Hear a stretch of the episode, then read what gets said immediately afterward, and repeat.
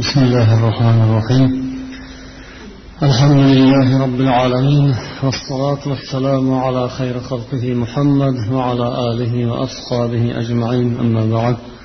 محترم جماعات حرمت لي وتحمر وكلار عزيز ترملار السلام عليكم ورحمة الله وبركاته.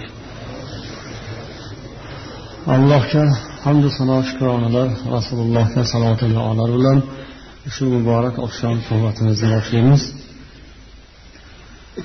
O'tgan suhbatimizda payg'ambarimiz sollallohu alayhi vasallamning hamrohlari eng birinchi sahobiylari eng birinchi shogirdlari hazrati abu bakr siddiq roziyallohu anhu payg'ambarning birinchi xalifalari musulmonlarning rasulullohdan keyingi birinchi rahbarlari haqidagi suhbatimizni alloh qodir etganicha nasib etganicha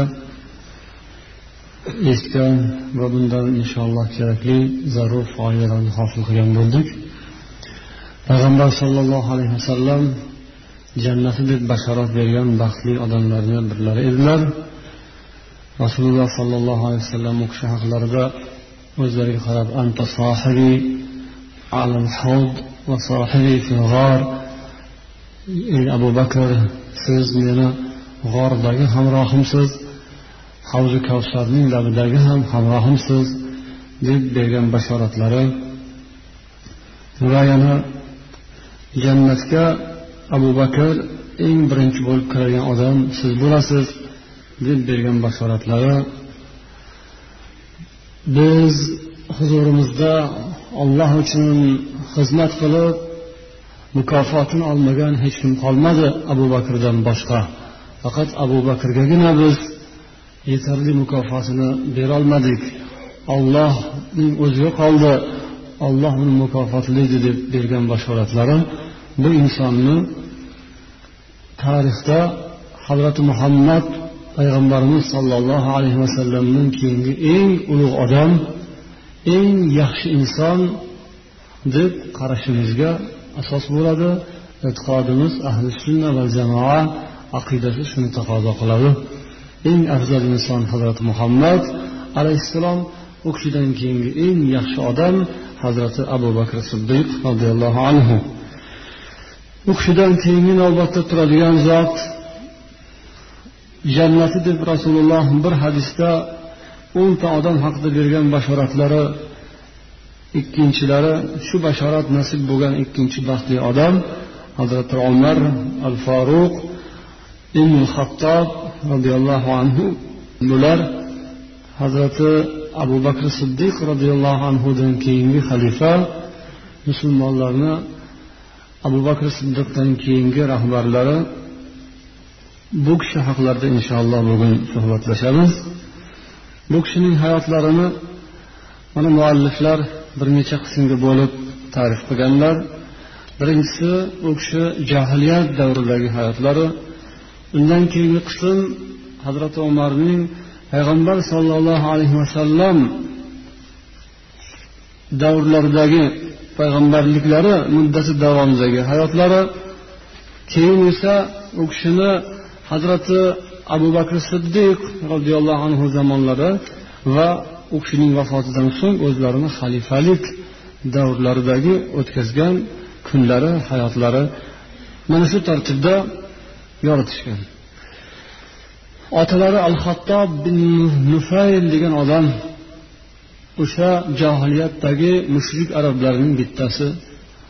Xonadonlarida o'g'il bola farzand tug'ilishi katta bir xursandchilikka sabab bo'lib hazrati umar tug'ilgan paytlari judayam bir shodi xurramlik kechirdilar chunki arablarda o'g'il bola tug'ilishi shunaqa baxtu saodat belgisi kuchu quvvat ustunlik g'oliblik alomati bo'lardi.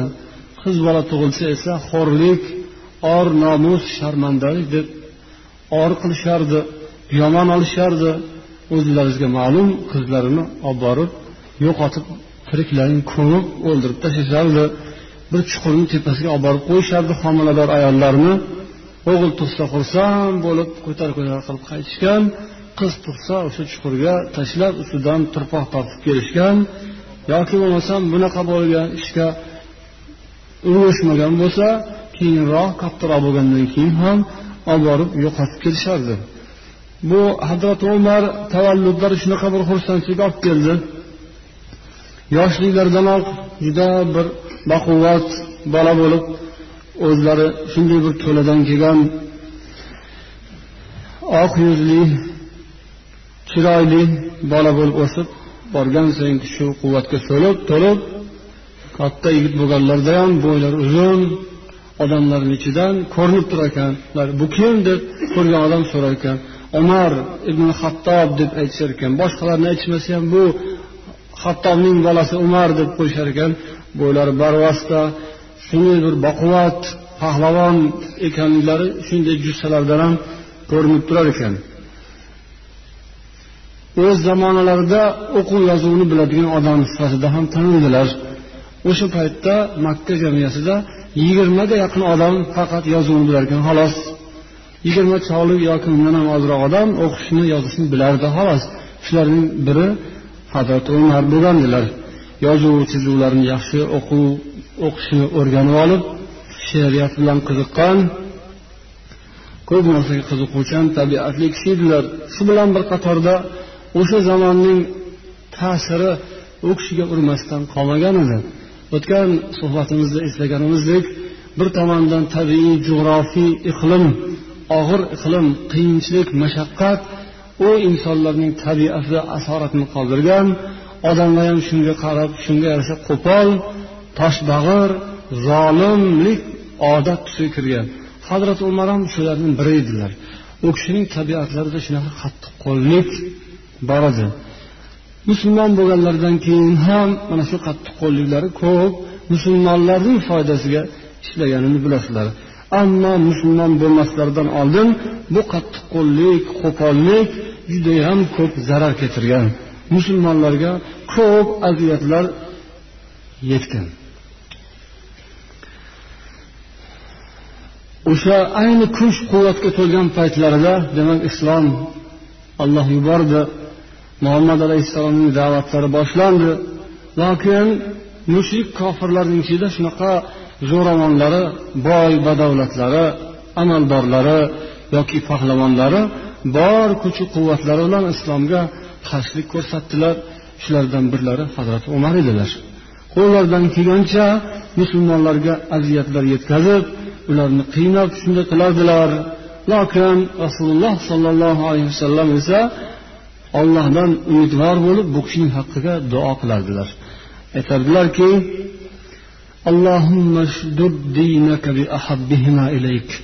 ya olloh mana shu biri abu jahlu biri umar.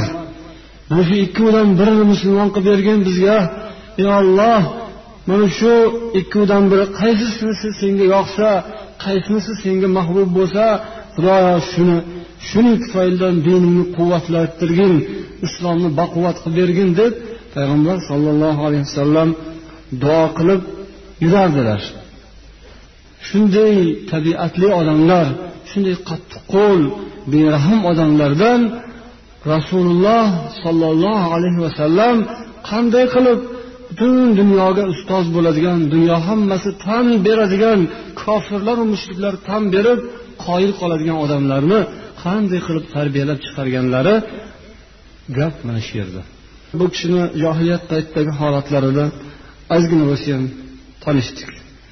U kishidagi quvvat yoki aql hammasi allohning madadi bilan payg'ambarning duolari sharofati bilan bu hammasi islom tomoniga iymon tomoniga aylangandan keyingi holat butunlay u kishi boshqa odam oldingi umar emas. U odamni ko'rganlar tanimay qoladigan darajada hatto u kishining xabarini eshitganlar qulog'iga o'zining qulog'iga ishonmaydigan darajada holat sodir bo'lishi bu muhim narsa. Bunisi diqqatga sazovor bu taajjub qolinadigan narsa. Umar musulmon bo'libdi deganda bekor aytibsan umarning eshagi musulmon bo'lsa bo'lar ammo o'zi musulmon bo'lmaydi. Degan gaplar nima uchun aytilgan? Demak ularda mana shu darajada qattiq johiliyat asorati kofirlik mushriklik shu darajada avjiga chiqqanligidan bu dalolat beradi. Lekin shundoq bo'lsada allohning hidoyati payg'ambarning ta'limu tarbiyalari islomning qudrati erimagan narsani shunday eritar ekan. U kishi qarasalar odamlar musulmonlar shu darajada qattiq qiyinchilikka duchor bo'lsada din kuchlanib musulmonlar quvvatlanib islom kengayib boryapti. Buni ko'rgan kofirlar mushriklarning esa g'azablari ortib boradi. Jumladan hazrat umarning ham g'azablari ortib boradi. Bular qanaqa toifa odamlar ekan? Shuncha qarshilik shuncha tazyiq urush haqoratlash o'ldirish bo'lsa ham bular ko'payib boryapti. Buning asosiy sababchisi shu muhammad. Bularning kattasi shu bularning boshi shu. Buni boshini olish kerak. Bularning kattasini yo'qotish kerak. Ana shunday qilinmasa bu ish to'xtamaydiganga o'xshaydi deb hech kim bilan maslahat qilmasdan ular birovni maslahatiga quloq soladigan odam ham emas.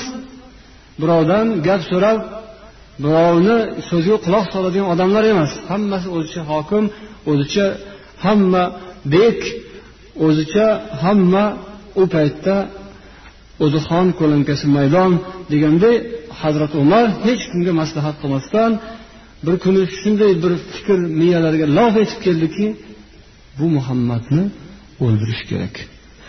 Boshqa yo'l yo'q. Tezroq bundan qutulmasak ish chatoq.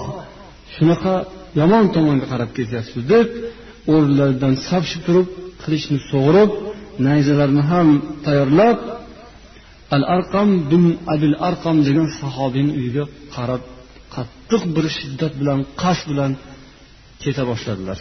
Ya'ni shu borishimda o'sha yig'ilib o'tirgan joyga boramanda ko'ppa kunduz hammani oldida chopib o'ldirib kelaman. Deb qasd qilib chiqdilar. Safo tog'ini yaqinida musulmonlar shu al arqam bin abil arqam degan sahobiyning uyida yig'ilishib qur'on o'qishardi namoz o'qishardi ibodat qilishardi yashirincha. Yo'lda ketayotgan ekanlar arablardan biri uchrab qoldi. Nuaym bin abdullah degan odam. Qarasa hattob o'g'illari umar shoshib juda g'azab bilan ketyotibdilar ha umar nima bo'ldi? Qayoqqa ketyapsan? E mana shu sobiy muhammadni izlab kelyapman ota bobolarining dinidan qaytgan yo'ldan ozgan arablarni bo'lib yuborgan qurayshiylarni birligiga putur yetkazib hammani bir biriga qarama qarshi qilib qo'yayotgan bu din dindan qaytgan ota bobosining yo'ldan ozgan muhammadni o'ldirmoqchi bo'lib ketyapman. Sobiy deyishardi ular. Sobiy degani o'zlaricha ota bobosining dinidan qaytgan degan mazmunni anglatardi. Shuni o'ldirib qutulib kelmoqchiman. Shunda haligi muayin dediki ey ko'p hovliqmagin umar o'zing juda hovliqib qolibsan. Ja o'zingni o'zing ortiqcha baho beryapsanku o'zingga ortiqcha ishonib ketibsanku sen shu ishni qilasanu keyin abdumanof seni shu yerda makkada yurishingga qo'yib qo'yadimi? San muhammadni o'ldirasanu shu bilan tinch yashab xotirjam uyingga borib yostiqqa boshingni qo'yib yotaman deb o'ylayapsanmi? U xom xatolar bo'lmagin chuchvarani xom sanamagin.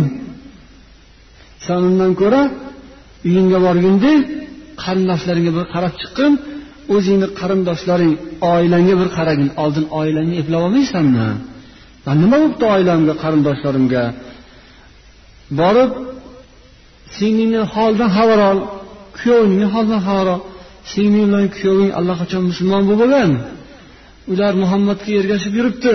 San muhammad bilan ish qilmoqchisan muhammadni o'ldirmoqchisan. Qo'lingdan kelsa singlingni eplab ol. Kuyovingni yo'lga solib olgin dedi. Shundan keyin hazrati omar hayron bo'lib qoldilar bu gapni eshitmagan ekanlar.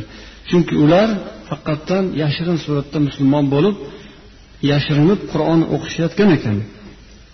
G'azablari bilan u kishi singillari fotima bintil hattobni uylariga bostirib bordilar. Borib qattiq shiddat bilan ketayotgan edilar u yerda habbob bin arad degan sahobiy mehmon ekanlar u kishi toha surasidan qur'on o'qib ularga ta'lim berayotgan ekanlar quloqlariga bir mahal surai tohoning tilovati eshitilib qoldi أعوذ بالله من الشيطان الرجيم بسم الله الرحمن الرحيم طه ما أنزلنا عليك القرآن لتشقى. إلا تذكرة لمن يخشى.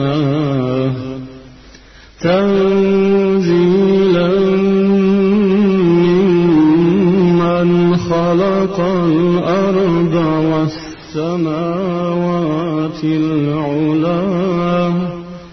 الرحمن على العرش استوى. له ما في السماوات وما في الأرض وما بينهما وما تحت الثرى. Biroz turib bu tilovatni eshitib hayron bo'lib turdilar. Lokin baribir o'sha g'azab bilan shiddat bilan ichkariga bostirib kirdilar. Bu kishini kelishlarini sezib birpasda habbob sekin turdilarda o'zlarini chetga oldilar. Chunki bu odam bilan hozir ro'baro bo'lib bo'lmaydi. Shunaqa bir dahshat shunaqa bir vahshiyona holat bilan bostirib kiryaptiki gap so'z foydasi yo'q. Biron bir og'iz kalima so'zga o'rin yo'q. U kishi o'rnidan turib sekin o'zini chetga oldilar. Kirdilaru nima bu hozir chiqayotgan ovoz nima qulog'imga eshitilayotgan narsa? deb fotima singillaridan so'radilar. Nima o'qiyapsizlar? Nima qilyapsizlar? Bu kishi aytdilar hech narsa hech narsa. Shundan keyin bildilarki bular demak musulmon bo'lgan. G'azab bilan kuyovlarga tashlanib u kishini yoqasidan olib o'sha yerda xohlagan bir ishni qilmoqchi bo'ldilar o'ldirmoqchi bo'lgandirlar. Jahl ustida g'azab ustida nima qilayotganlariga ham aqllari yetmasdan tashlandilar. Lokin bu kishiga o'tgan umar ibn hattobdagi o'sha jangarilik o'sha tap tortmaslik maqsaddan qaytmaslik jur'at shijoat singillarida ham bor edi. U ham o'zlarini singillari edi. Lokin u kishi endi musulmon bo'lib ancha tartibga tushib odobli bo'lib qolgan paytlari edi. Lokin bu holatni ko'rgandan keyin okadagi hislat singillarga ham xuddi o'shani o'zi edi o'zi aslida. Ikkovlari ham bir otani bolasi ikkovlarida ham o'shanday narsalardan bor edi u kishi ham lekin o'zlarini qo'yib yubordilar. Mana senga deb okaga tashlanib ketdilar. Shunday qilib keyin oxiri ikkovlari er xotin aytishdiki ha nima deysan? Musulmon bo'ldik. Ollohu payg'ambarga iymon keltirganmiz. Musulmon bo'lganmiz. Qani qo'lingdan nima keladi kofir? deganday qani nima deysan? Islomga kelganmiz musulmon bo'lganmiz. Nima qila qo'lingdan nima keladi? Qila qol ya'ni bunaqa paytda o'sha yashiringan narsalar ham o'zini tiygan odamlar ham o'zini saqlaganlar ham ke qo'y endi shu bilan olishmay qo'ya qoling deb borib borib sabrni ham kosasi to'lib to'lib ularning o'zi haddida turmasa ularning o'zi insoniyatga to'g'ri kelmaydigan qilqlarni qilgan paytda har qanday odam ham demak shu so'zni aytib yuborar ekan. Bular ham lekin oxirida shu aytishdi. Nima deysan? Musulmon bo'ldik. Qo'lingdan nima keladi qila qol deyishdi. Keyin hazrati umar to'xtab qoldilar. Hali o'qishayotgan qur'onning sahifasini ko'rib qo'llarini uzatib haligida yozilgan suralar kalimalar oyatlarni o'qiy boshladilar. O'qishni biladigan odam edilar. O'qib birdaniga holatlari o'zgara boshladi. Jahllardan sekin tusha boshladilar. Singillari fotima bintil hattob ham juda ziyrak ayol edilar. Qarasalar o'zgarib qolyapti akalari darrov u kishi ham qarab turmasdan yana harakat boshladilarki ey umar akam bu sahifa qur'on sahifasi bunga san zarar yetkazib qo'yarmikansan? deb qo'rqib shu sahifadan qo'rqib turuvdik. Biza jonimizdan qo'rqayotganimiz yo'q edi. Shu qur'onga bir narsa qilasanmi shu qur'onni bir yirtib oyoq osti qilib tashlaysanmikan deb qo'rqib turuvdik dedilar. Shundan so'ng oradan ozgina vaqt o'tib o'tmasdan vo ajabo bu qandoq so'zlar bu qanaqa chiroyli kalimalar ekan? deb sekin gapira boshladilar. Undan oldin bu kishi shunaqa sal shashtlardan tushgandan so'ng yashirinib turgan chetga chiqib kuzatib turgan habbob sekin yaqinlashib keldilar keyin aytdilarki allohga qasam olloh payg'ambarni duolarini qabul etgan bo'lsa senga shu payg'ambar duolari nasib bo'lgan bo'lsa ajabmas dedilar. Keyin u kishi ham qanaqa duo? Ey olloh yo abu jahl yoki umar bilan islomni quvvatlantirgin deb duo qiladilar payg'ambar. Deb bu duoni eslatdilar. Keyin hazrati umar ey habbob mani olib borgin bo'lmasa muhammadni oldiga. Bo'ldi man musulmon bo'laman. Olib borgin man kalima aytayin musulmon bo'layin deb bir pasda taslim bo'lib oldingi umar emas boshqa umar bo'lib qoldilar. Keyin birgalikda al arqam bin abil arqamni uylariga borishdi. Ikkovlari yetaklashib rasululloh sollallohu alayhi vasallam o'tirgan joylarida sahobiylar qarashsa umar kelyapti qo'lida qilich. Hammalari qo'rqib ketishdi. Bir pasda ketishdi. Yugurgilar rasululloh oldilariga kelishdi yo rasululloh umar kelyapti. U bir vahshiy umar bu. Yomon umar kelyapti. Hozir bir yomonlik olib kelayotgan bo'lsa kerak.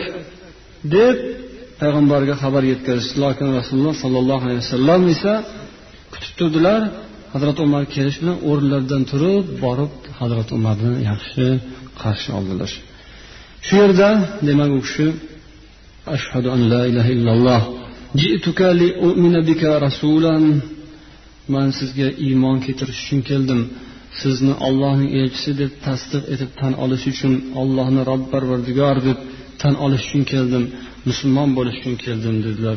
Payg'ambar sollallohu alayhi vasallam takbir aytib yubordilar.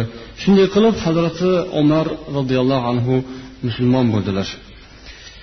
Bu paytda rivoyatlarga qaraganda u kishining yoshlari yigirma oltida ekan yoki shunga yaqin shu atrofda rosa avji quvvatga to'lgan kuchga to'lgan paytlarida islomga keldilar. Alloh taolo payg'ambar duolarini qabul etib ana endi islomni yana bir bosqichi boshlandi. Bu kishi qilgan ko'p ishlarining endi haqqini to'lashlari kerak edi. O'zlari ham aytadilar mandan haqqinglarni olinglar manda sizlarni haqqinglar ko'p man qarzimni uzishim kerak man qilgan ishlarimni endi tekislashim kerak uning javobini berishim kerak deb buyog'iga iymon bilan islom bilan musulmonlikni rivojiga hissalarini qo'shib oxiri shunday holatga borib yetdilarki yo rasululloh qachongacha o'tiramiz endi? Biz haqmizmi yoki yo anavilarmi deya boshladilar. Ha biz haqmiz. Ha bo'lmasam nima qilib o'tiramiz? Oshkor qilaylik islomni. Oshkora islomga iymonga chaqiraylik bo'lmasam odamlarni dedilar. Lokin rasululloh sollallohu alayhi vasallam bunga ruxsat bermasdilar. Ammo u kishi esa yo'q man islomimni oshkor qilmay yasholmayman deb u kishi islomlarini e'lon qilibyubordilar musulmon bo'lganlarini oshkora aytibyubordilar ana o'shandan keyin shundan keyin mushriklarning hujumi bu kishiga boshlandi. Ular o'zlarini eng bir ishongan tog'laridan ayrildilar. Ichlaridagi eng qattiq qo'l odam eng dahshatli odamlardan biri musulmon bo'lib qolgandan keyin bu narsa mushriku kofirlarga judayam qattiq yomon ta'sir qildi. Ular g'azablarini bu kishiga to'kib o'chlarini olishga boshladilar. Bu kishiga rahmi kelib tog'alardan birlari himoyalarga olmoqchi bo'ldilar. Hali musulmon bo'lmagan tog'alardan birlari o'sha johiliyat arab jamiyatining qoidasiga binoan himoyasiga olsa boshqalar unga qo'l tegizishi mumkin emas. Lokin bu kishi uni rad etdilar. Kerak emas sizni himoyangiz man ollohning himoyasidaman dedilar. Oxiri holat og'irlashgandan og'irlashib musulmonlarga rasululloh sollallohu alayhi vasallam yasribga hijrat qilishni buyurdilar. Allohdan izn ruxsat buyruq bo'lib musulmonlar asta asta yashirin berkitib bildirmasdan yashiringan holatda madinaga ilgari nomi yasribga ko'chib keta boshladilar. Lokin hazrat umar nima qilsinlar? U kishiga ham katta odamga aziyatni ham kattasi bo'lardi. Hazrati umarga ham qattiq qattiq shunday bir hujumlar bo'lib turardi. Bu kishi nima qilsinlar? Albatta bu kishi ham hijrat qilishlariga to'g'ri keldi. Lokin bu kishi boshqalarga o'xshab yashirin suratda sekin makkadan madinaga ketib borishni o'zlariga bilmadilar bu kishi nima qildilar? Bir kun aytdilarki boshqalar hammasi yashirinib yashirinib bildirmasdan ketishayotgan. Endi tabiiy holat musulmonlar zaif kuchsiz ularda quvvat yo'q ojiz kishilar ko'plari kambag'allar muhtojlar boylari ham boyliklaridan voz kechib jonlarini iymonlarini saqlab yasribga ko'cha boshladilar. Ammo hazrati umar esa man dedilar bir kuni o'rtaga chiqib hey qavm bilinglar man hijrat qilmoqchiman. Falon kun hijrat qilaman. Falon joydan ketaman dedilar. Aytdilarki kim bolasini yetim qilmoqchi bo'lsa kim o'zim bolam yetim bo'lsin desa xotinim tul qolsin desa onam voy bolamlab qolsin desa falon joy falon joyga chiqsin mani keynimdan mani yonimda hech kim bo'lmaydi. Man o'zim ketaman hijrat qilaman. Xohlagan odamni man o'sha yerda kutaman. Mana shu makkani orqa tomonidagi vodiyda dedilar. Bironta odam chiqmadi. Chunki bu kishidagi shijoat ular bilishardi. Shunday qilib hijrat qilib madinaga yasribga ravona bo'ldilar. Asta asta musulmonlar hammalari ko'chib madinaga yasribga o'tdilar ketdilar. U yerda rasululloh sollallohu alayhi vasallam boshchiliklarida xotirjam osoyishta ibodat qilib din islom rivojlangandan rivojlana boshladi. Payg'ambar alayhissalomga doimo bu kishi hamroh edilar. Abu bakr siddiq roziyallohu anhu bilan birga bu kishi ikkovlar doimo rasulullohga soyadek ergashib hamisha yonlarida bo'lardilar. Rasululloh juda ham xursand bu kishining islomga kelganidan.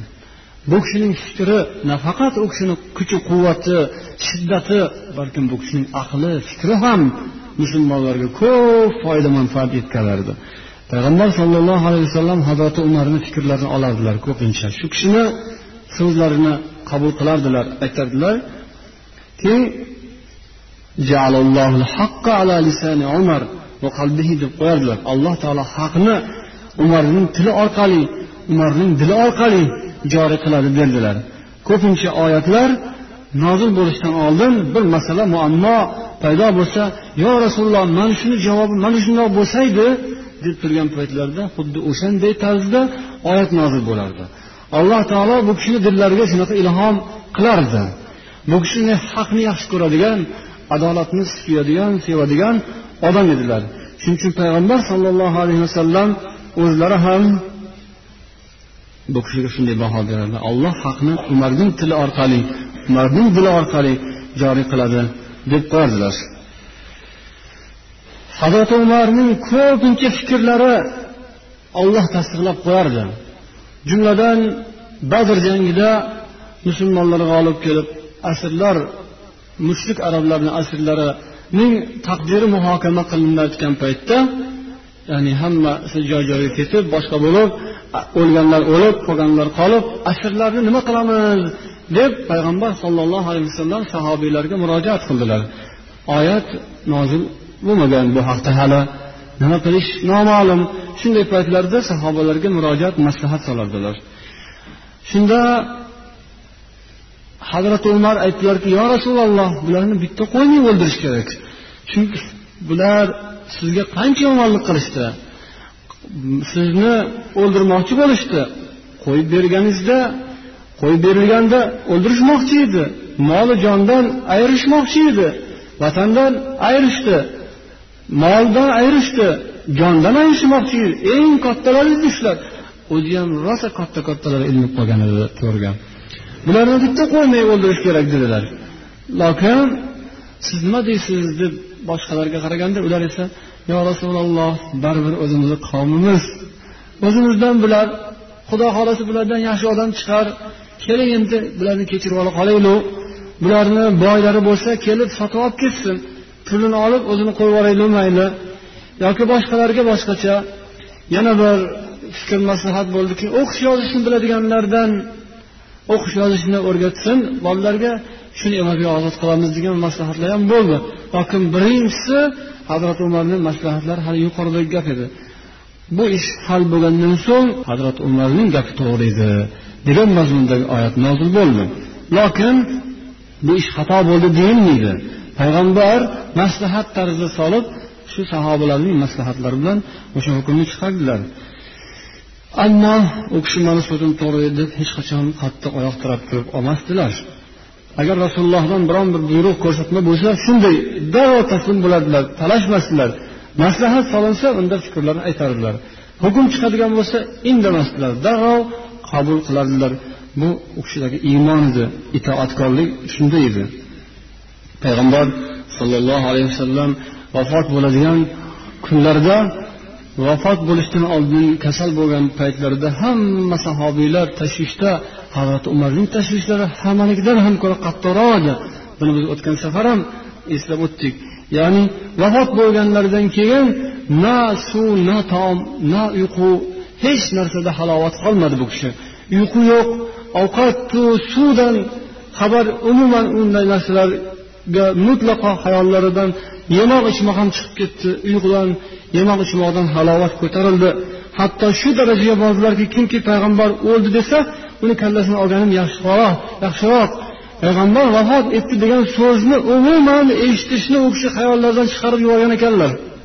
Hatto vafot etdilar degan xabar tarqalgandan keyin u kishi aytgan ekanlarki yo'q yaqinda qaytib keladilar payg'ambar. Bu kishi bir g'oyib bo'ldilaru qaytib kelsalar kerak. Payg'ambar vafot bo'lishlari mumkin emas. U kishi payg'ambar vafot bo'lishini aqllariga ham sig'dirmay umuman hayollaridan chiqarib tashlagan ekanlar. Shu darajada payg'ambarga berilib qoluvdilar. U kishi qattiq ixlosi e'tiqodlari shunaqa bo'lgan edi. Hazrat abu bakr siddiq u kishini ogohlantirib u kishiga tanbeh berdilar. Ey esingizni yig'ing olloh nima degan qur'onda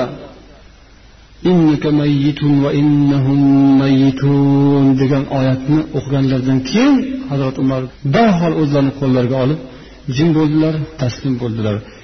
Siz ham vafot etasiz ular ham vafot etadilar degan oyat qur'onda. Payg'ambarni vafot etishlari oyatda qur'onda aytilgan ekanu man xuddi o'qimaganday shuni bilmagandek qolgan ekanman. Xuddi birinchi marotaba eshitayotgandek deb eslaydilar u kishining alloh taolo ato qilgan bu kuchu quvvatlari hazrati abu bakr siddiq roziyallohu anhu zamonlarida yana shu islomga xizmat musulmonlikka qaratilgan holda davom etdi.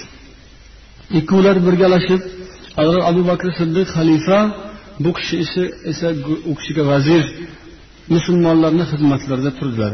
Ikkovlari bir birlariga nihoyatda kerak odamlar edilar. Abu bakr siddiq demak og'ir bosiqliklari vazminliklari fikrlari bilan xulqlarini tabiatlarining muloyimligi bilan kerak edilar.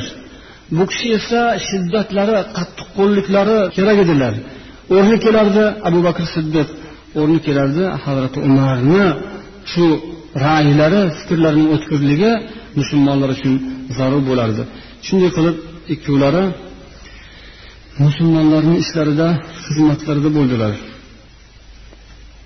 Payg'ambar sollallohu alayhi vasallam zamonlarida qur'oni karim yozilmagan edi. Bir xil matoga yoki materialga yozilmagan. U yoddan o'qilardi. Har xil narsalarga hayvon suyaklariga terilariga yoki bo'lmasam daraxt yaproqlariga yozilgan. Hazrat abu bakr siddiq zamonlarga kelib bu narsa bir xil matoga kiyib terisiga ko'chirilgan. Birinchi marotaba qur'on jam bo'lgan.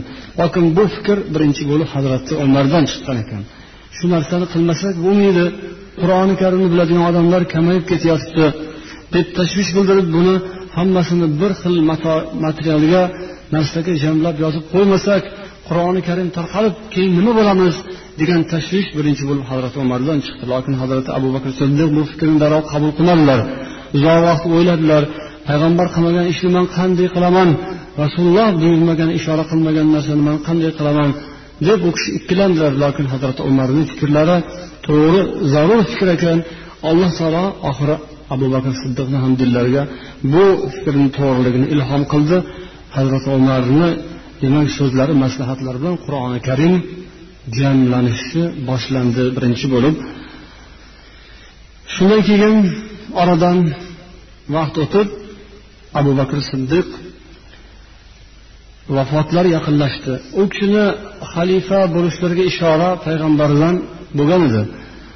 Vafotlaridan oldin namozga o'tishga buyurganlari bu ishora edi ishoralardan biri edi. O'zlari vafot bo'layotgan paytlarida esa hazrati abu bakr siddiq hazrati usmonni chaqirib qog'oz qalam olishga buyurdilar va yozing dedilar. بسم الله الرحمن الرحيم. هذا ما عهد أبو بكر بن أبي قحافة في آخر عهده بالدنيا خارجا منها وعند أول عهده بالآخرة داخلا فيها. من أبو أبو قحافة أولى abu bakr umrining oxirida dunyodan chiqar vaqtida va oxiratga kirayotgan vaqtining avvali dunyodan ketayotgan vaqtining oxiri dunyodagi eng oxirgi vaqtiyu oxiratdan eng avvalgi hayoti avvalida boshlanishida o'lim oldida ya'ni bu uning buyrug'i. Uning farmoni shuki men o'zimdan keyin sizlarga umar ibn hattobni xalifa qilib tayinlayman. Mendan keyin umarga itoat qilinglar unga quloq solinglar. Agar u sizlarning ishlaringizda odillik bilan hukm yurg'azsa men shunday deb umid etaman. Bu man umid etgan narsa. Man bilganim shu umar sizlarni ishlaringizda eng odili eng haqgo'y yaxshi odam shu shundoq ish olib borsa shu mani umidim to'g'ri chiqqani. Agar biron bir o'zgartirish paydo qilsa biron bir xatoga yo'l qo'ysa unda har bir inson o'zi qilgan gunohiga o'zi javob beradi. Har bir insonning o'zini kamchiligi nuqsoni bo'lsa o'zi javob beradi. Men yaxshilikni faqat umid etaman g'aybni bilmayman. Keyin nima bo'ladi bilmaymanku ammo yaxshilik umidida sizlarga shuni buyuraman vasiyat qilaman dedilar. Huzurlariga umarni hazrati umarni chaqirdilar va tayinladilar. Mendan keyin musulmonlarga faqat yaxshilik qilgin. Ollohni bandalariga faqat mehribonlik bilan adolat bilan hukm yurg'izgin deb u kishiga vasiyat qilib dunyodan ko'z yumdilar. Shunday qilib hazrati umarning xalifaliklari abu bakr siddiq tomonlaridan tayinlandi. Musulmonlar bu narsani bir ittifoq hech bir so'zsiz qabul qildilar. U kishi esa olloh tomonidan berilgan bu omonatni qabul etib qo'llaridan kelgancha musulmonlarning ishlarida faqat yaxshilik bilan ularga muloyimlik bilan qo'llaridan kelgancha xizmat qilishga harakat qildilar. Musulmonlarni o'rtalariga chiqib u kishi so'z aytardilarki ey odamlar bugun sizlarni ishinglar menga nasib bo'ldi. Menga mening chekimga nasibamga tushib qoldi. Sizlardan biron kishi ishlaringizda shunday odamlar bordir. Aytsa kerakki u bizga boshliq bo'lmasdan oldin ham qattiq qo'l edi. U boshqa odam boshliq bo'lib turgan paytda o'zi bu qattiq qo'l edi. Bugun bu endi bizga boshliq bo'lib qoldi. Endi kunimiz nima bo'ldi desanglar kerak. Lokin sizlar bilinglarki mandan ko'rganinglar mendagi qattiqqo'llik shiddat bu bugun yana ham ortib ketgan. Kimlarga? Zolimlarga haddan oshadiganlarga o'sha sizlar mendan qo'rqadigan jihatim bugun yana ham kuchaygan bilib qo'yinglar. O'sha zolimu fosiqu fojir haddan oshuvchilarga nihoyatda qattiqqo'l bo'lib qoldim. Ammo ishlaringizda zaiflar bo'lsa haqgo'ylar bo'lsa haq tomondagi musulmonlar bo'ladigan bo'lsa men shunaqa shiddatim shunaqa qattiqqo'lligim bo'lsada men yuzimni o'shanday odamlarni oyog'ini tagiga qo'yaman.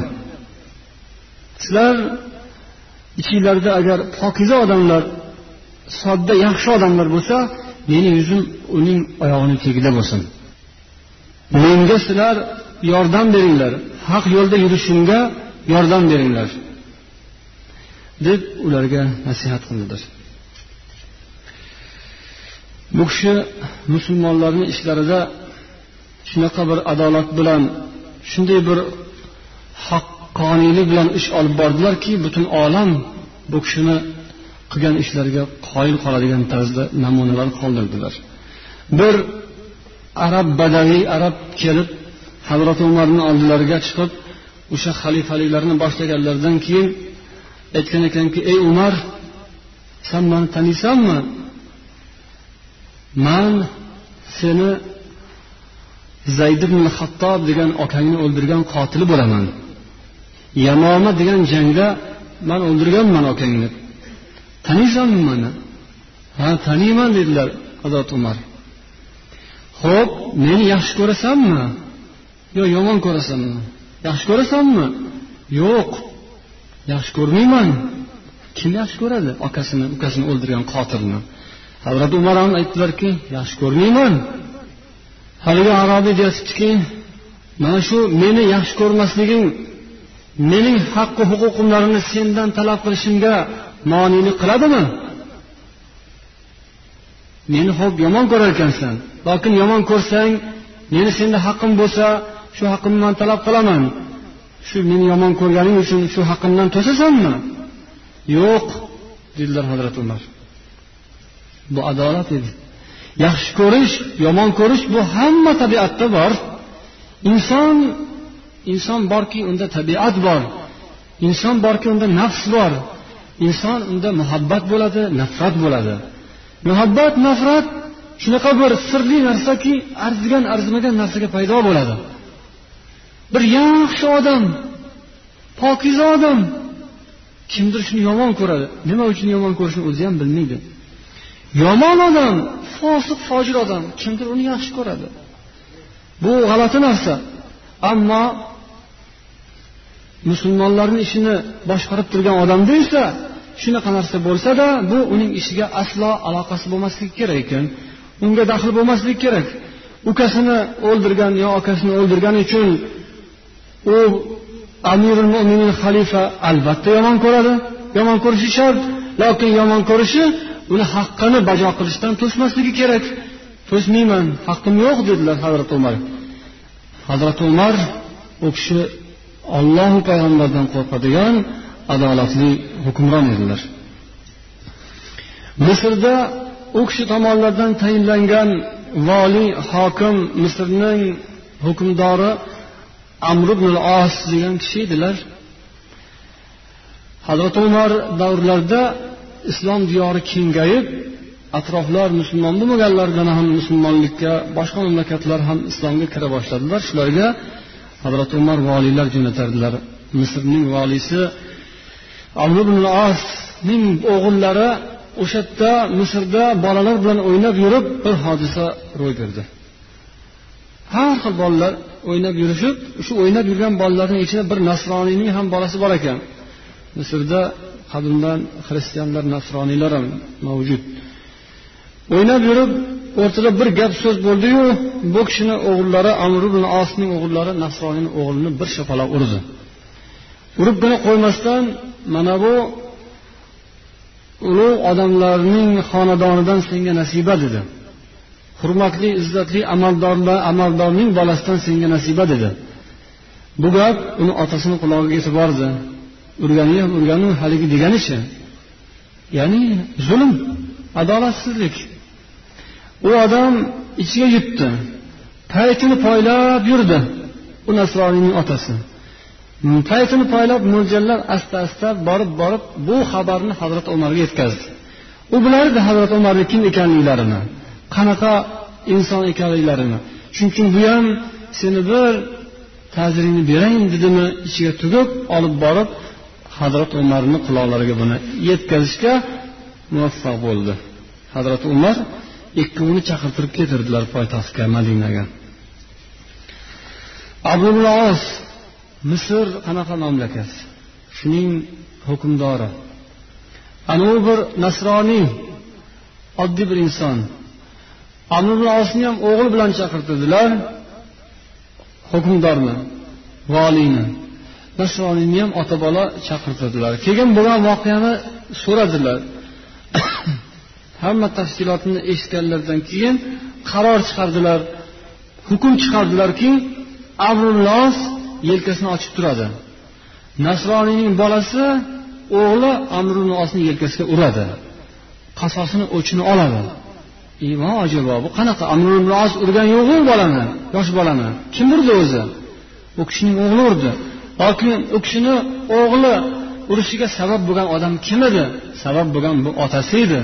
Shu otasining amali tufayli otasining mansabiga mag'rur bo'lib kekkayib gerdaygan bu yosh bola otasini amaldorligini pesh qilib turib urdimi?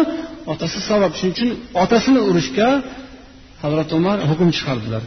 Lokin bu hukmni u nasroniy kutmagan edi. Hijolat bo'lib ketdi bundan.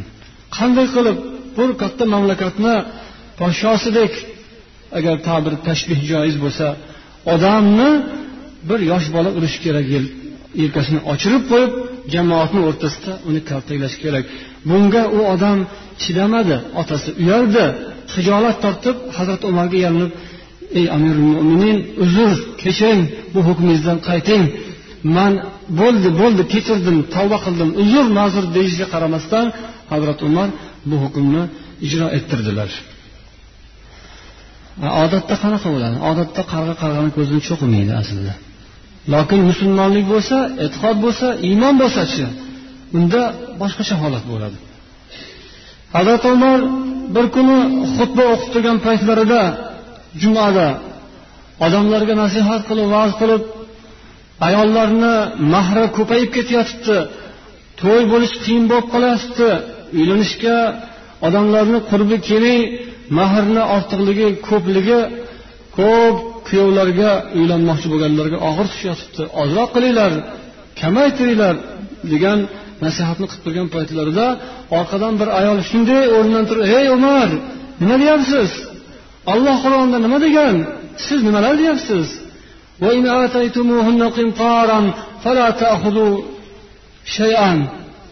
Agar qimtor barobarida agar shu bir ayolga ayollarga qimtor juda katta mablag' deylik shartli ravishda tog' deb deylik. Tog'dek dunyo bergan bo'lsanglar ham ayollarga mahr qilib olmanglar qaytarib olmanglar. Mabodo oila buziladigan bo'lsa mahrni qaytarib olinmaydi. Mahr o'zida qolib ketadi. Shu bergan mahringlar tog'dek bo'lsa ham qaytara olmanglar deyapti alloh taolo. Ya'ni bu yerdan chiqadiki siz mahrni kamaytirmoqchisiz. Olloh tog'dek deyaptiyu. Demak tog'dek mahr beraman desa bir er mard odam chiqib bu ayolga mana shu qizga man mana shuncha mahr beraman desa olloh beraver deb qo'yganni siz nima haqqingiz bor cheklashga? deb bir ayol shunday o'rnidan turib gapirdi shunda hazrat umar nima dedilar? Ushlanglar buni. Kim ekan bu beodob? Ha? Bizdek ulug' odamni qadrini bilmasdan shuncha odamni oldida bizni obro'yimizni to'kib bizni behurmat qilib bir ayol boshi bilan bizga aql o'rgatadigan bo'ldimi? Demadilar. Yoki bo'lmasam yonlarida turgan mulozimlari taqsir biz hozir to'g'rilaymiz deb yugurib borib qani bu yoqqa yuringchi?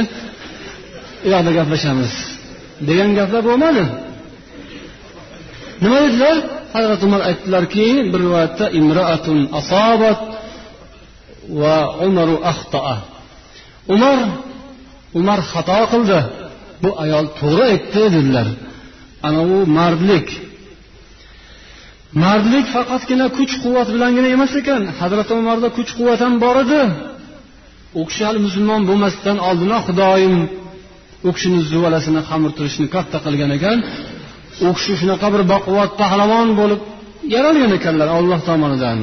Keyingi zamonda ham shunaqa kuch quvvatlari kamaymadi moddiy quvvatlari lokin insonni insonligi mardligi zo'rligi uning kuch quvvati bilan emas ekan odamgarchiligi bilan haqiqatni yaxshi ko'rishi bilan adolatni yaxshi ko'rishi bilan odamni mardligi bilinar ekan. Xato qildim deb minbardan turib men xato etdim. U xotin u ayol to'g'ri gapirdi degan odam haqiqatdan mard odam. Bu kishi hazrati umar. Bu ish hazrati umarning qo'llaridan keladi. Hazrati umarni yaxshi ko'radigan odamlar qo'llaridan keladi inshaalloh. Bir kun kechasi u kishi fuqarolarni holidan xabar olish uchun chiqdilar. Ahyon ahyonda hamma uxlab yotgan paytida kechasi shahar aylanardilar. Chunki u odatda olib kelinadigan rasmiy axborotlar ko'pincha deyilgan u yog'i bu yog'i to'g'rilangan bo'ladi chunki axborotni olib kelayotgan odamlar ham gap eshitib qolmaslik kerak falon joyda piston bo'ldi deb bir sal chatoqroq xabar olib kelgan bo'lsa o'sha olib kelgan odam xuddi aybdordek u birinchi nasibani olib qolishdan qo'rqib u yoqdagi bo'layotgan bo'lsa bo'laversin deb uni tekislab boshliqni oldiga hammasi o'rtoq yo boshliq yo taqsir hammasi joyida hamma ish yaxshi deb mukofotni o'sha olsa. Lokin hazrati umar roziyallohu anhu o'z ko'zlari bilan borib shuni ko'rib u rasmiy axborotdan ham tashqari norasmiy yo'llar bilan o'zlari borib tekshirib ko'rib holidan xabar olardilar odamlarni. Bir kun kechasi bir xonadondan o'tib ketayotsalar yig'i ovozi chiqyotibdi qarab bunday tekshirib ko'rsalar hech kim yo'q bir g'arib ayol hech kim yo'q ekan. Eri safardami? Xullas o'zi yolg'iz qolgan og'ir oyoq holatda ekan. O'shanda ko'zi yoriydigan payti tutib kasali tutib turgan paytda ekan. To'lg'oq tutib turgan holatda ko'rib qoldilar. Shoshib uylariga borib uxlab yotgan joydan ayollarni uyg'otdilar. O'rnlaridan turg'izdilar aytdilarki olloh uchun bir savob ish kerakmi senga? Olloh senga bir savob ishni hozir tayyorlab turibdi. Yo'q hogin oyijonisi deb yetaklab olib chiqdilar keyin yonlarida hamrohlari bilan birga ozgina un oldilar uylaridan yog' oldilar ozgina shakar oldilar. Keyin abu ubayda bilan birgalikda o'sha ayolni uyiga qarab yurdilar.